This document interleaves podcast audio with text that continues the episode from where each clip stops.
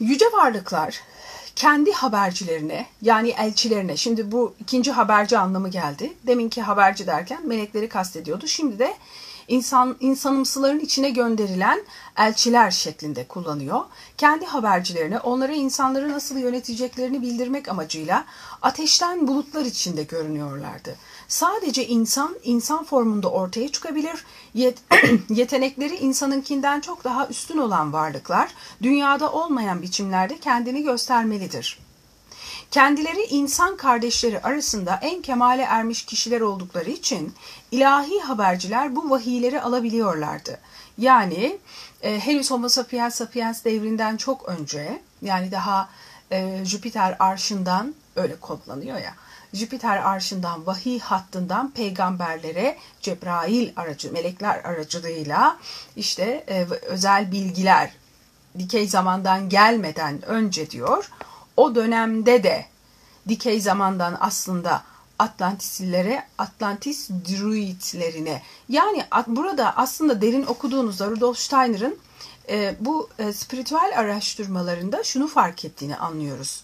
Bizim günümüzde Homo sapiens sapiens için bizi ilgilendiren bu e, nedir? Peygamber enerjisi, peygamber dediğimiz o e, özel varlıkların enerjisine o dönemlerde Atlantis dönemlerinde e, druid denildiğini anlayalım.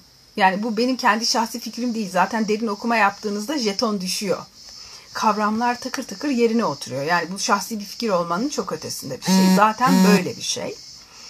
Şimdi e, önceki aşamalarda insanların çoğunun hala yaşaması gereken deneyimlerden zaten geçmişlerdi. Diğer insanların oluşturduğu kitleye sadece belirli bir yönden aitti bu elçiler. Bunlar insan formuna bürünebiliyorlardı fakat kendi manevi zihinsel nitelikleri insanüstü bir özelliğe sahipti. Bunlar böylece bunlar melez türden ilahi beşeri varlıklardı. Bunlar aynı zamanda insanlığın yeryüzündeki çizgilerinde ilerlemesine yardım etmek için insan bedenine bürünmüş yüksek ruhlar olarak da tanımlanabilir.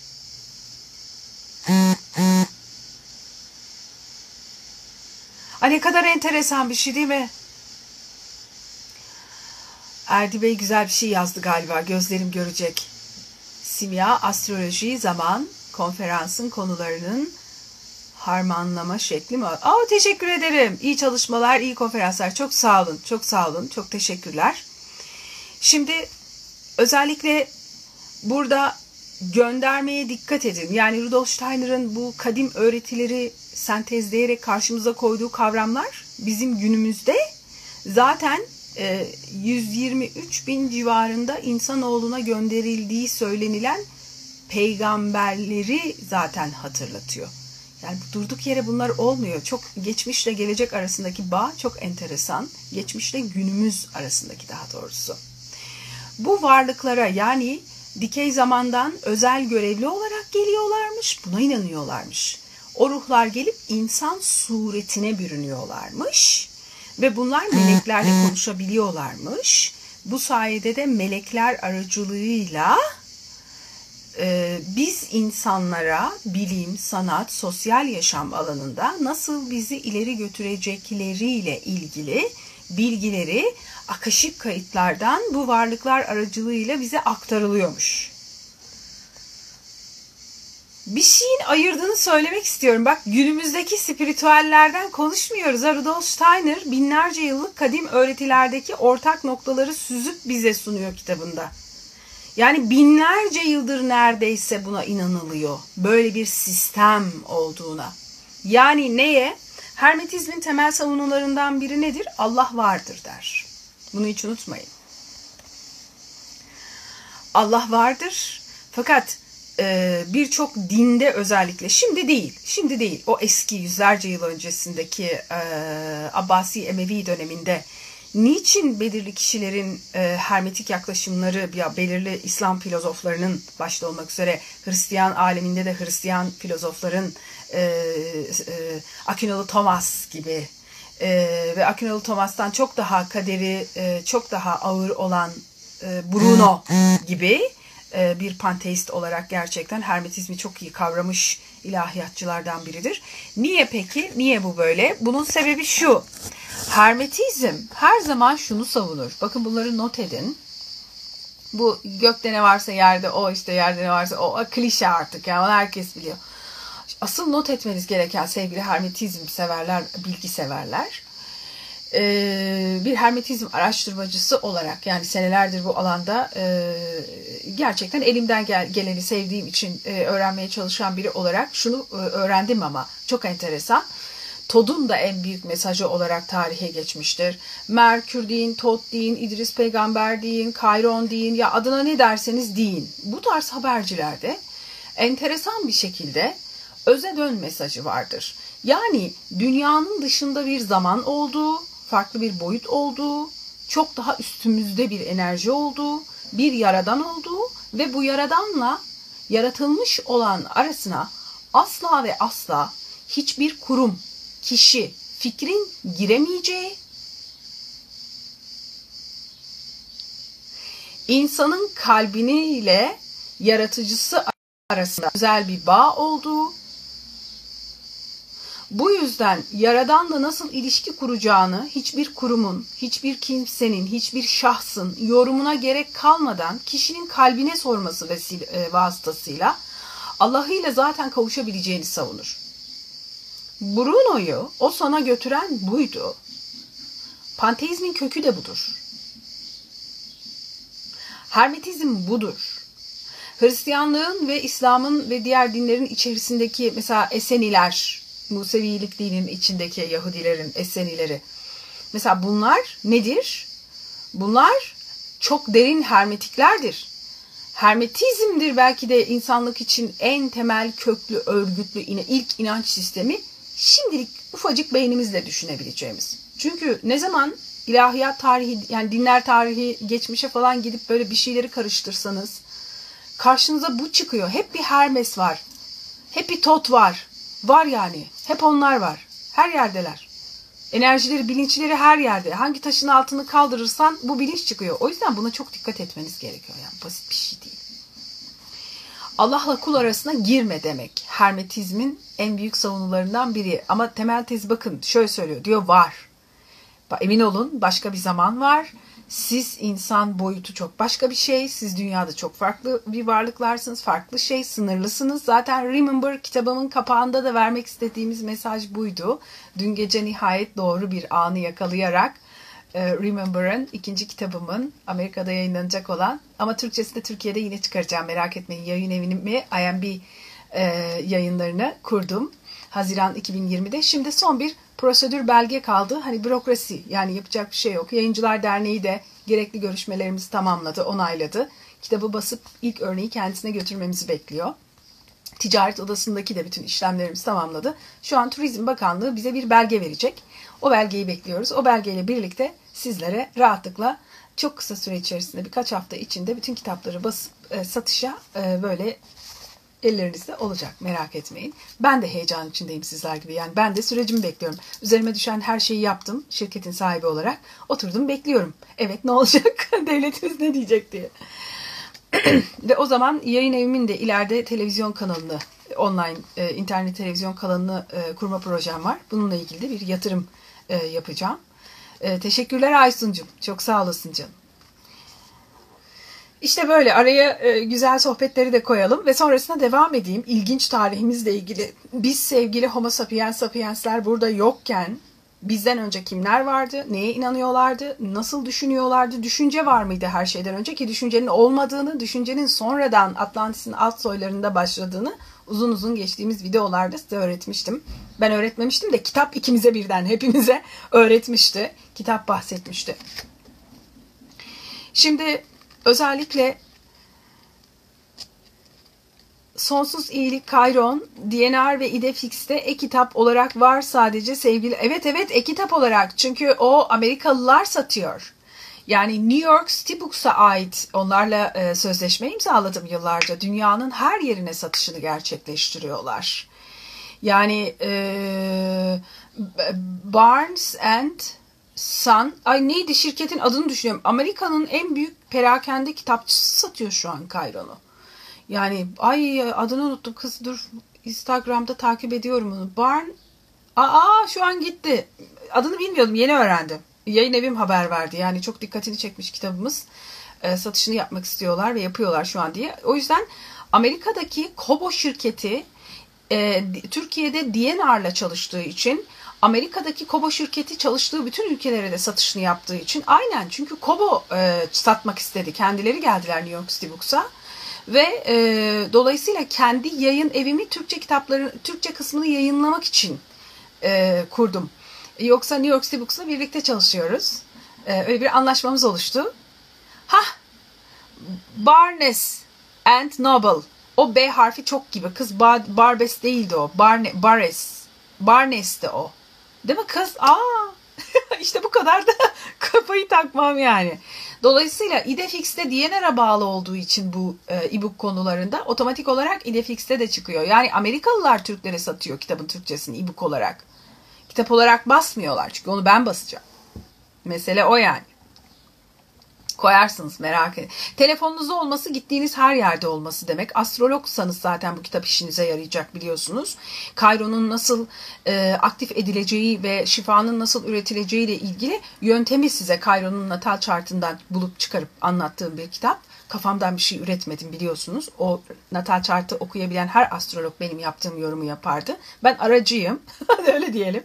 Ve e, oradaki e, seanslarınızda gittiğiniz şehirlerde olduğunuz yerde bir dakika egzersiz nasıldı diye ilk başlarda unutabilirsiniz. Kitabı taşımak daha ağırdır. Yani aç tabletinden telefondan dur şu egzersizi şartları şunlardı bunu taklit edeyim diyeyim ve yapın. Ne güzel işte yani süper bir şey. Ya. Ee, işte böyle Hadi bakalım. Sizleri çok seviyorum. Sizlere sohbet etmek çok güzel. Ben kitaba geri döneyim. Güzel şeyleri öğrenelim. Sonra yine ufak ufak sohbetimizi yaparız birlikte. Diyor ki bu ilahi beşeri varlıklar insanları yönettiler. Yani Atlantis dönemindeki druidler, dikey zamandan gelen işte çok özel varlıklar. Biz bunlara sonradan peygamber dedik. Atlantis'te ama onlara ne deniyormuş bakın. Yani diyor ki Allah her zaman elçi gönderdi kardeşim. Sen homo sapiens sapiens olarak var olduğunda da sana gönderdi. Sen bu dünyada yokken Atlantisliler olduğunda da Allah elçi gönderdi diyor yani. Ha o zamanki dilde adı Druid'di. O dil öyleydi. Ama Allah her zaman kendi varlığını burada hissettirdi. Her zaman hissettirir. Yani bunun dışında bir şey olabilir mi? Yaradan hep burada bir temsilcisi, bir elçisi oldu. Dolayısıyla dikkat et diyor Druidler yani Atlantisiler hangi alt kök soy olursa olsun Allah'ın gönderdiği elçiler toplumu yönetti. Peygamberler yönetmiş. Haliyle Homo sapiens sapiens ve Zerdüşt peygamberin insanlığa insiye ettiği ki kendisi 3. Hermes'in dedesidir biliyorsunuz hep söylerim sıkça. Yeni duyanlar da duysun diye. Bu yüzden Frederick Nietzsche böyle buyurdu Zerdüşt'ü yazmıştır. E, zaten kitabımın kapağında da dün e, sayfalarımızda gördüyseniz Remover yeni çıkacak olan kitabımın kapağında e, bir kişi var. Cinsiyeti belli olmayan bir kişi. O biziz insan. Elinde bir ışık var ve çölde yürüyor. Böyle buyurdu Zerdüş'te bir gönderme o aslında. Böyle buyurduğu Zerdüş'te nasıl başlamıştı Nietzsche? Zerdüş dağdan iner, insanların arasına karışır, elinde bir e, şey vardır. Çıra gibi ateş yani ve e, bu e, lambayı, çırayı adını unuttum neyse insanların içinde gezdirerek onlara bir mesaj vermeye çalışır. Oraya bir göndermedir o. ve bir Hermes göndermesidir. Ve çöl çok önemli bir göndermedir. Ve özellikle e, gökte e, Kay, e, Chiron Amerika'ya insiye olduğu için gökyüzünde Orion takım yıldızını görüyorsunuz. Siz kitabın ön e, safhasını gördünüz. Bu kitabın son hali değil.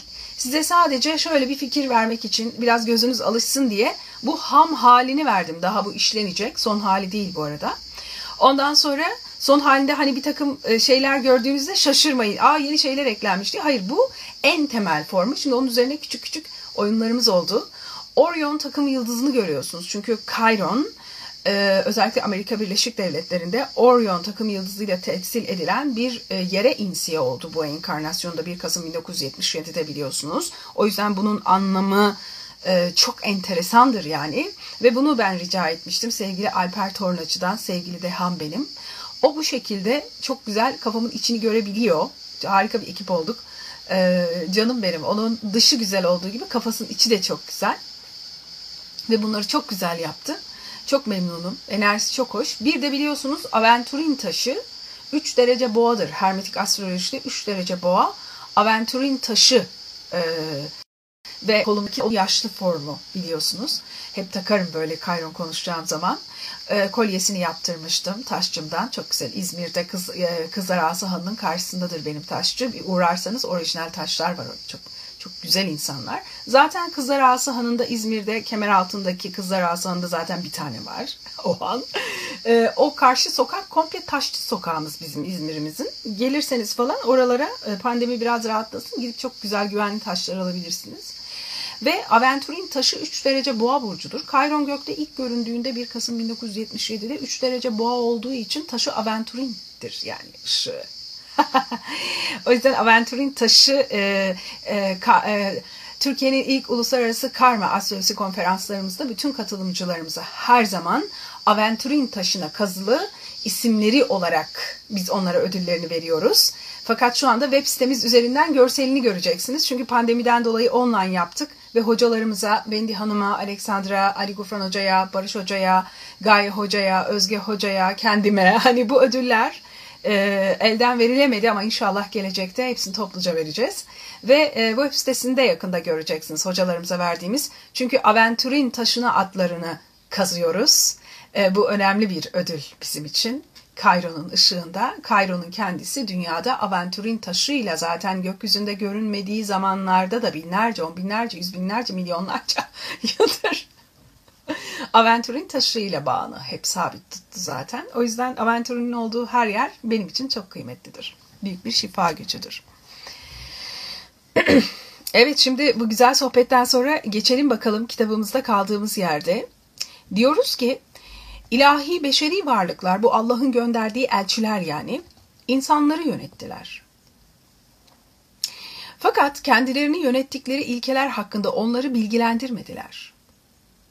Yani dediler ki, yüce varlık böyle davranmanızı istiyor, böyle yapmanızı istiyor, böyle yaşamanızı istiyor diyor.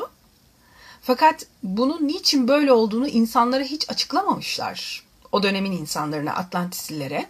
Çünkü Atlantislilerin 5. alt soyunu oluşturan ilksel Samilere kadar insanlar bu ilkeleri anlayacak yeteneklere kesinlikle sahip değillerdi zaten.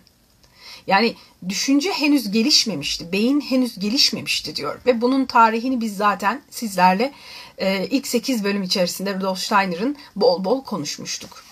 Bu alt soyda gelişen düşünce yetisi bu tür bir yetenekti.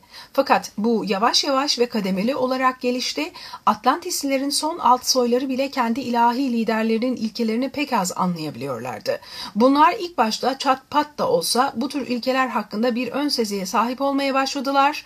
Dolayısıyla bunların düşünceleri ve aynı zamanda yönetim kurumları arasında bahsettiğimiz yasaları net bir biçimde tasarlanmış olmaktan çok tahmine dayanıyordu. 5. Atlantis alt soyunun asli lideri ileriki dönemlerde Atlantis yaşam tarzının dejenerasyonundan sonra bütünüyle düşünce yetisinin yönlendirdiği yeni bir yaşam şeklinin başlatılabileceği bir şekilde o alt soyu adım adım hazırladı. Aman tanrım farkındasınız değil mi? Yani diyor ki insan soyunu geliştirmek için geldiler. Bizim bugün saygıdeğer çok kıymetli peygamberlerimizin arketipinden bahsediyoruz. Yani Allah her dönemde her insanımsı dönemine gönderdi elçileri. Ve her zaman tek bir hedef var. Var olan insan soyu gelişsin. Buna inanmışlar. Ne kadar ilginç değil mi? Biz doğmadan önce atalarımız nelere inanmış, nelerle. Ay çok heyecanlı. Sizce de heyecanlı değil mi ya? ben mi heyecanlanıyorum? Panik oluyorum. Aventürün taşı cilde de değebilir, değmeye edebilir. Ben suyun önünde yıkıyorum sık sık. Ne bileyim toprağa gömebilirsiniz dolunaylarda falan. Yani Öyle saksıya ama çiçek olmasın. Taşları e, enerjisini arındırmak için ta, saksıya koyduğunuzda çiçeklerin kökü ölür yani çiçek solar. Tek başına toprağın içine. Tuzlu suya koyun. Ben hepsini yapıyorum. Enerjisini öyle hani biriktirdiği şeyi arındırıyorum. Sonra tekrar takıyorum. Ama ben takmayı çok seviyorum. Aventurin taşını. Beşinci Atlantis alt soyunun asli lideri ileriki dönemlerde Atlantis yaşam tarzının dejenerasyonundan sonra bütünüyle düşünce yetisinin yönlendirdiği yeni bir yaşam şeklinin başlatabileceği bir şekilde o alt soyu adım adım hazırladı demiştim. Atlantis döneminin sonunda insan benzeri üç varlık grubunun mevcut olduğu anlaşılmalıdır. Abo, yepyeni bir şeyle e, karşı karşıyayız. Sıkı durun. Atlantis döneminin sonunda ki Atlantisliler 1 milyon yıl olmuştu dünyada hatırlayın. Atlantisliler döneminin sonunda 1 milyon yılın sonunda insan benzeri olan üç varlık grubunun olduğu yeryüzünde yaşadığı anlaşılmış eskiler tarafından. Bir, bir, yukarıda belirtilen ilahi haberciler yani günümüzde biz ne diyorduk? Peygamberler. Ki bunlar kendi gelişimlerinde büyük halk yığınlarının çok ötesindeydiler. Ve bunlar ilahi bilgiyi öğretmişlerdi. İlahi eylemler gerçekleştirmişlerdi. Yani Atlantisli 1 milyon yıllık dönemin sonunda gelindiğinde insanların içerisinde üç tür insan olduğuna uyanmışlar. Bir, peygamberler var. Allah'ın özellikle gönderdiği çok zeki varlıklar var. İki, insanlığın büyük kitlesi ki modern insanın kaybettiği doğal yeteneklere sahip olmalarına karşın düşünce yetisi bunlarda bir atıl durumdaydı. Yani Duyguları çok gelişmiş, duygusal zekaları, sezgileri aşırı güçlü ama mantıkları zayıf olan insanlar varmış. Yani doğayla müthiş bütünleşikler, doğayla müthiş bir bağ kurmuşlar. Fakat e, hani düşünme yetisi daha zayıf, çok az gelişmiş olan bir insanımsı varmış. Son olarak üçüncüsü de düşünce yetisini geliştirmekte olan kişilerin ulaşan kişilerden oluşan ufak bir de grup varmış. Diğer üçüncü insan türü de bunların da duyguları hani çok gündemde değil daha çok düşünce olarak aşırı derecede gelişmişler. Yani bir milyon yıllık insanımsı e, devinim Atlantis uygarlığında nihayet bu bir milyon yıl bitme, bitmeye yakın kendi aralarında üç farklı özellik olarak kendini belirlemişler. Bir, bir bakmışlar ki normalde böyle insan bedeninde olup ilahi haberci olanlar yani Allah'tan haber getirenler. İki,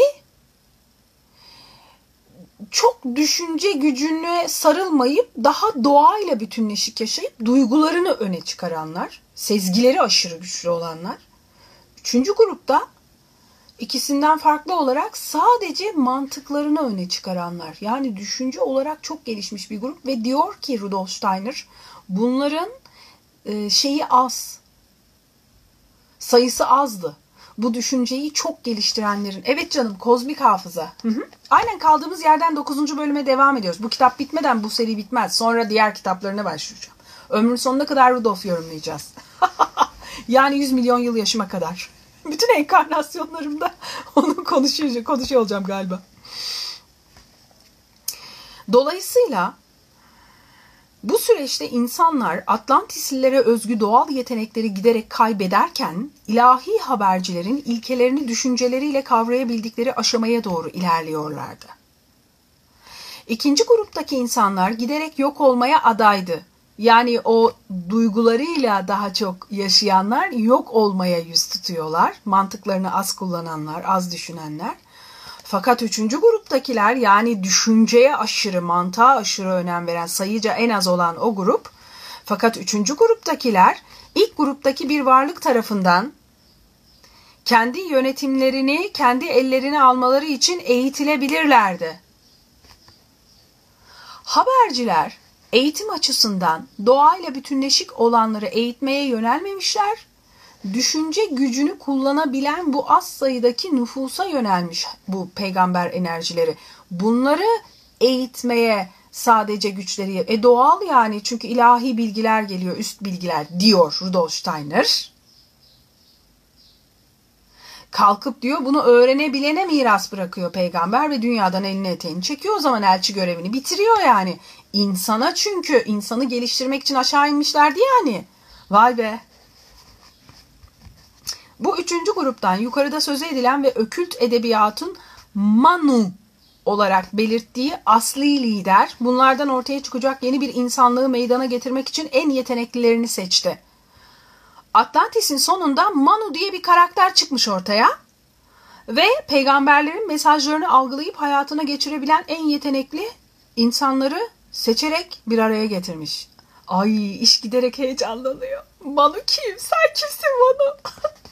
Bu en yetenekli olanlar. Bence ben olan içinde değildim ben size. Ben bir ağaca sarılmış elma falan yiyordum. Dur yapma yeme diyorlardı. Ben de hadi be karışma diyordum. Seni anlamıyorum diyordum. Elma yiyordum. Ayva yiyorduk. Bu en yetenekli olanlar yani benim içinde olmadığım grup 5. alt soyda varlığını sürdürmüş. 6. ve 7. alt soyların düşünce yetisi bu bağlamda yolundan sapmıştı ve ileriye dönük bir gelişme için uygun değildi. Vay arkadaş, kız siz hangi alt soysunuz? Kendiminkini buldum. Ben ben onlardan değilim. ben orada herhalde gölün kenarında yatıyordum. Kesin yani çok sıcaklık hissettim. Bizim türümüz kaybolmuş. Ay Allah'ım ya. Olsun biz her şeyi sevmişiz.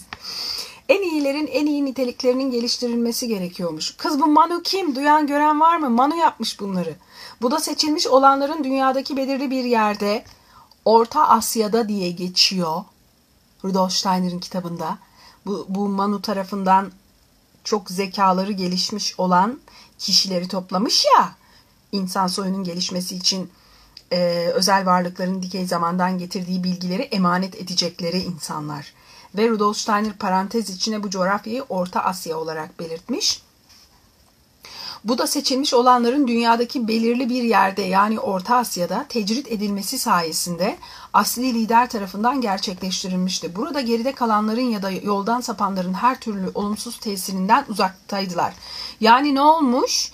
Bu çok zeki olan insanımsı varlıkları, insanları bu elçilerin bilgilerini tek elde bulunduran Manu, yine bir Hermes arketipiyle karşı karşıyayız arkadaşlar farkındasınız. Yine bir Zerdiş peygamber arketipiyle karşı karşıyayız. Abo ya her şeyin altından Hermes çıkıyor. Neyse bu da onların Hermes herhalde Manu. Ondan sonra bunları topluyor. Orta Asya'ya getirip izole etmiş. Bunları orada eğitmiş. Diğer insanımsılarla çok karışmasınlar diye. Ay bu ne kız Brezilya dizisi gibi. Ha. Ve her türlü olumsuz tesirden uzakta tutmuş Manu bunları. Liderlerin üstlendiği vazife müritlerini o ana dek yönetildikleri ve belli belirsiz hissedilen fakat açıkça anlaşılmayan ilkeleri kendi ruhlarında, kendi düşünce yetileriyle kavrayabilecekleri noktaya getirmekte. İnsanlar bilinçsiz olarak izledikleri ilahi kuvvetleri, bilinçsiz olarak kafa yetmiyordu. Çünkü yani benim grup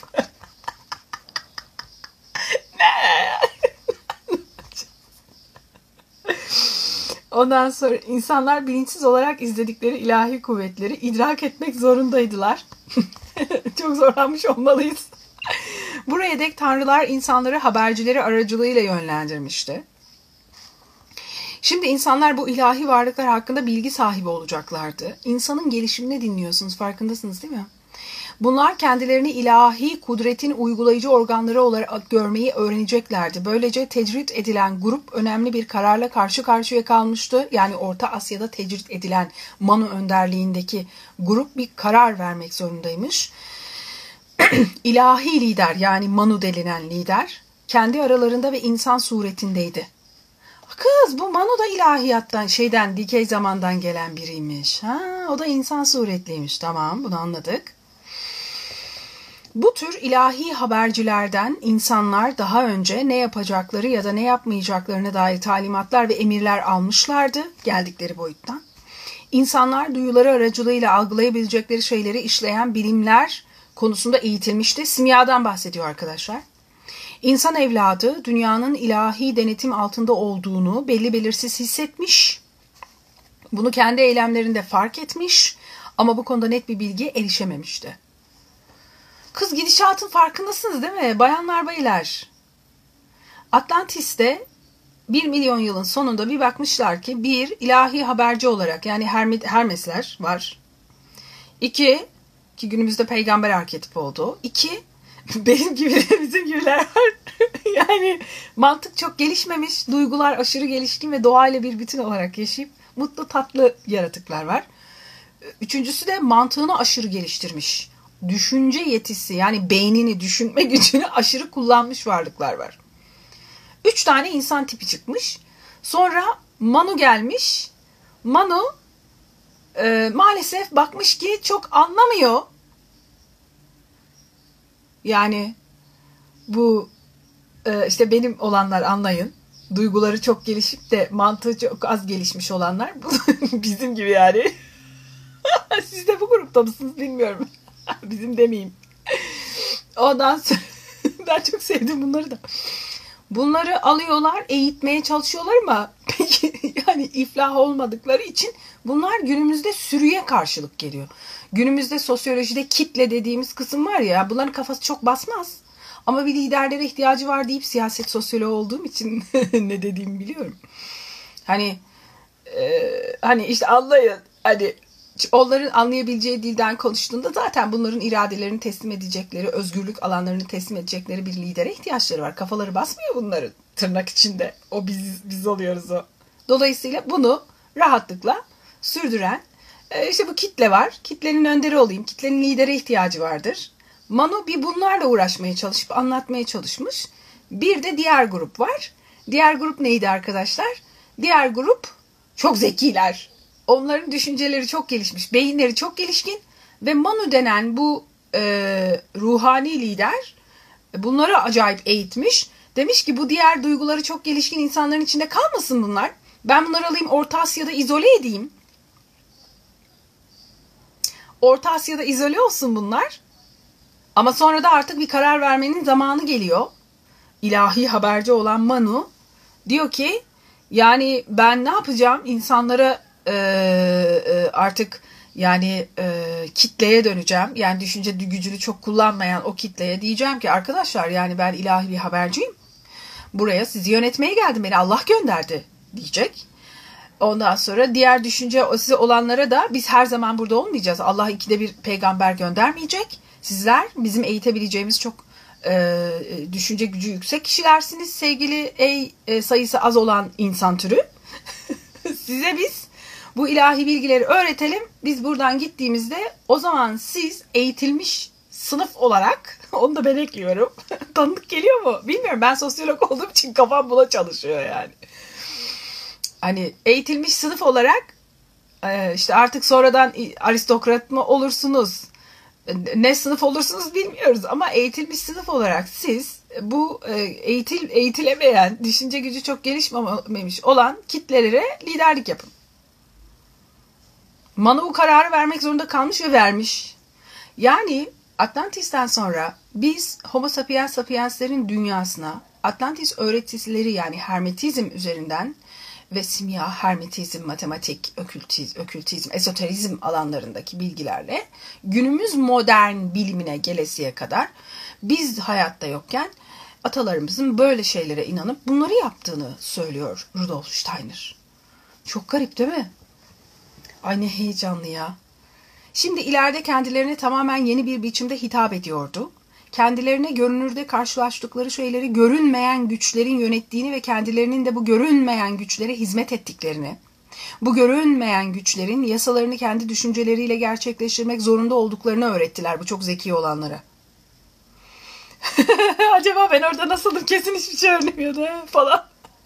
Elma yemek istiyordum herhalde. Ay çok gülesim var. Kesin karmamı hatırladım şu an bak. Siz de hatırladınız mı karmanızı? Bakayım da ne kadar zamanım kalmış. Oh daha var. 10 dakikamız var. Ya. Ve insanlar doğaüstü nitelikteki ilahi kudretten haberdar oldular. Böylece Tanıdık geliyor mu? Görünmeyen spiritüelin, görünür fizikselin yaratıcısı ve koruyucusu olduğunu duydular. Kitleler bunu duydu. Aman tanrım meğer sen bizi bir güç yaratmış dediler. Buraya dek kendi görünür ilahi habercilerine yani insanüstü inisiyelere saygı göstermişler ve bunlar aracılığıyla da yapılacak ve yapılmayacak olanlar kendilerine bildirilmişti. Fakat şimdi ilahi habercinin kendilerine doğrudan tanrılardan söz etmesine layık görülmüşlerdi. Manu müritlerine tekrar ve tekrar kuvvetli sözcüklerle hitap etmişti. Müritleri kimdi? Hatırlayın. Şimdiye kadar sizi yönlendirenleri gördünüz. Fakat sizin görmediğiniz daha yüksek liderler bulunuyor demiş. Siz bu liderlere tabisiniz aslında demiş. Görmediğiniz Tanrı'nın emirlerini yürüteceksiniz ve kendiniz için suretini oluşturamayacağınız teke, tek, teke idaat, e, itaat edeceksiniz. Yani bir yaratıcı var, o tek ve siz ona itaat edeceksiniz demiş. Vay be atalarımıza neler öğretmişler.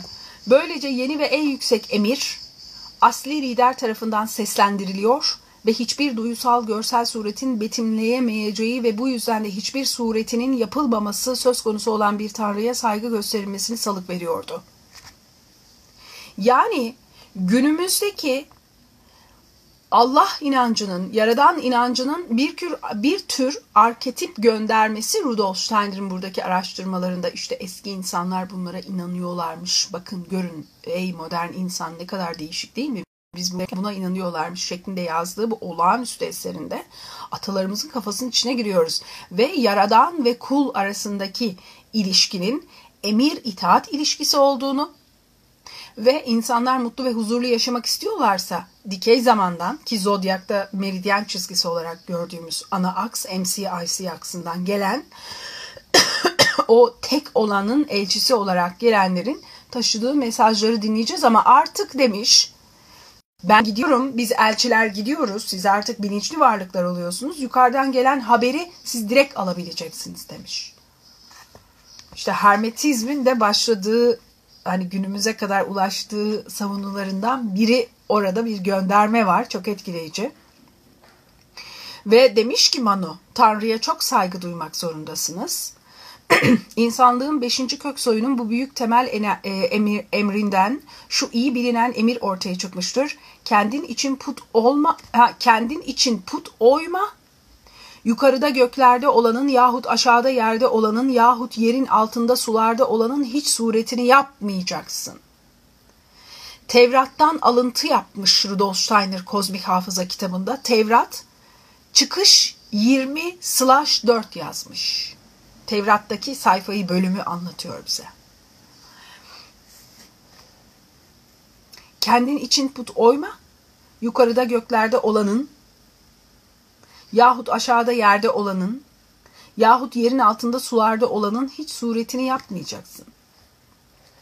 Asli lider olan Manu, yaşamın belirli bölümlerinde onun niyetlerini uygulayan ve yeni soyun gelişmesi üzerinde çalışan diğer ilahi haberciler tarafından destekleniyordu. Çünkü tüm yaşamın dünyanın ilahi bir yönetime tabi olmasına ilişkin yeni bir görüşe göre düzenlenmesi söz konusuydu. Her yerde insanların düşünceleri görünürken görünürden görünür olmayana yönlendirilmeliydi. Bakın farkında mısınız? Rudolf diyor ki bizim şu anda sahip olduğumuz bu inanç sistemimiz bir milyon yıllık Atlantis döneminin sonunu getiren düşünceler. Bunu ima ediyor ha. Yani Homo sapiens sapiens'e bir yer açılma. Onlarla kurduğumuz hani Atlantis'in bizzat kendisi değiliz biz. Fakat biyolojik olarak akrabalığımız var. Biz onların devamı gibiyiz diyor yani. Biz böyle gökten bir şey bizi indirmedi. Biz dikey zamandan gelen varlıklar tarafından, Allah'ın elçileri tarafından, peygamberleri tarafından zekaları, zihinleri, yaşamları ileri doğru iyiye götürülmesi gereken, geliştirilmesi gereken varlıklar olarak bize bakıyorlarmış. Yani günümüzde peygamber dediğimiz o dönemlerde de haberci, ilahi yüksek varlık, haberci dedikleri varlıklar meğersem biz insanların gelişimi için gönderilmiş ve insanlara şu bilinci aşılamaya çalışmışlar hep Atlantis'in sonuna doğru. sizi görünmeyen bir yaratıcı yarattı. Atlantis'in 1 milyon yıllık inisiyasyonunda hemen hemen bu hiç yok. Zaten sonunu bu fikir getirmiş Atlantis'in.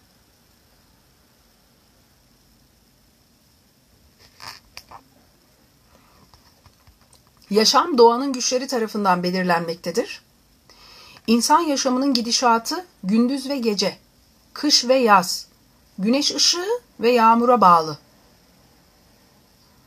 Bu etkin ve görünür olayların görünmeyen ilahi güçlerle nasıl bağlantılı oldukları ve düzen ve insanın kendi yaşamını bu görünmeyen güçler uyarınca düzenlemek amacıyla nasıl davranması gerektiği kendisine gösterildi. Tüm bilgi ve tüm emekler bu doğrultuda izlenmeliydi. Yıldızların izlediği rotada, aha astroloji de işin içine girdi çok heyecanlıyım. Yıldızların izlediği rotada ve hava durumunda insan ilahi kurallar ve ilahi bilgeliğin zuhurunu görmeliydi. Astronomi ve meteoroloji bu anlayışla öğretilmişti. Yani bakın Allah'ın kudretini görün diye. İnsan kendi emeğini, kendi ahlaki yaşamını ilahi kudretin bilgece yasalarına karşılık gelecek biçimde düzenlemeliydi. Yaşam tıpkı ilahi düşüncelerin yıldızların devinimi ve hava değişimlerinde aranmasında olduğu gibi ilahi emirler uyarınca böyle buyurulmuştu. İnsan kendi eserlerini özveri eylemleri aracılığıyla tanrıların takdirleriyle uyumlu bir hale getirmeliydi. İnsan yaşamında her şeyi yüce alemlere doğru yönlendirmek, Manu'nun gayesiydi.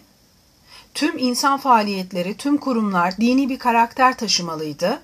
Bunun sayesinde Manu 5. Köksoy'a bahşedilen gerçek vazifeyi başlatmak istedi.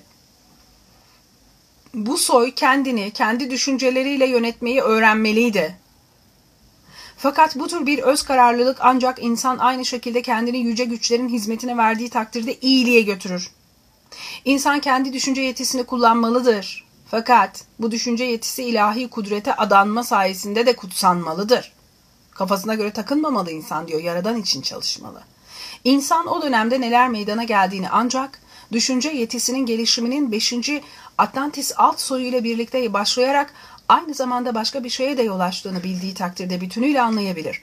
Belirli bir açıdan insanlar bilgi ve sanatlara sahip olmayı başarmışlardı ki bunlar yukarıda belirtilen Manu'nun kendi gerçek vazifesi olarak ele alabileceği şeylerle yakın bir bağlantı oluşturmuyordu. Bu bilgi ve bu sanatlar ilk önce dinsel karakterden yoksundu.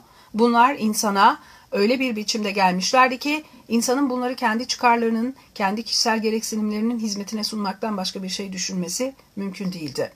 Bu tür bilgiye örneğin insan faaliyetlerinde ateşin kullanımının girdiğini söyleyebiliriz. Yani Allah insana ateşi kullanmalısın dememişti ki diyor. İnsan doğayla kurduğu ilişkiden bunu kendi kendine fark etmişti ama artık Burada ne var biliyor musunuz? Yaratıcı düşüncenin neyin ya hangi dönemde başladığıyla ilgili ipuçları var. Cin gibi olun. Bunu demek istiyor olabilir. Yani ateşin Evet ya bence bir demir çağı göndermesi burada da olabilir. Dur düşüneyim ben bunu. Atlantis'in ilk döneminde insanlar ateşi kullanmamışlardı. Çünkü yaşam gücü onun emrindeydi. Ateşin emrinde mi? Fakat zamanın geçmesiyle birlikte bu güçten giderek daha az yararlanabilecek bir konuma geldi. Böylece cansız nesnelerden araçlar, aletler yapmayı öğrenmesi gerekti. Bu amaçla da ateşi kullandı. Diğer doğal güçlere ilişkin olarak da benzer koşullar hüküm sürdü. Böylece insan bunların ilahi kökeninin bilincinde olmadan bu tür doğal güçlerden yararlanmayı kendi kendine öğrendi.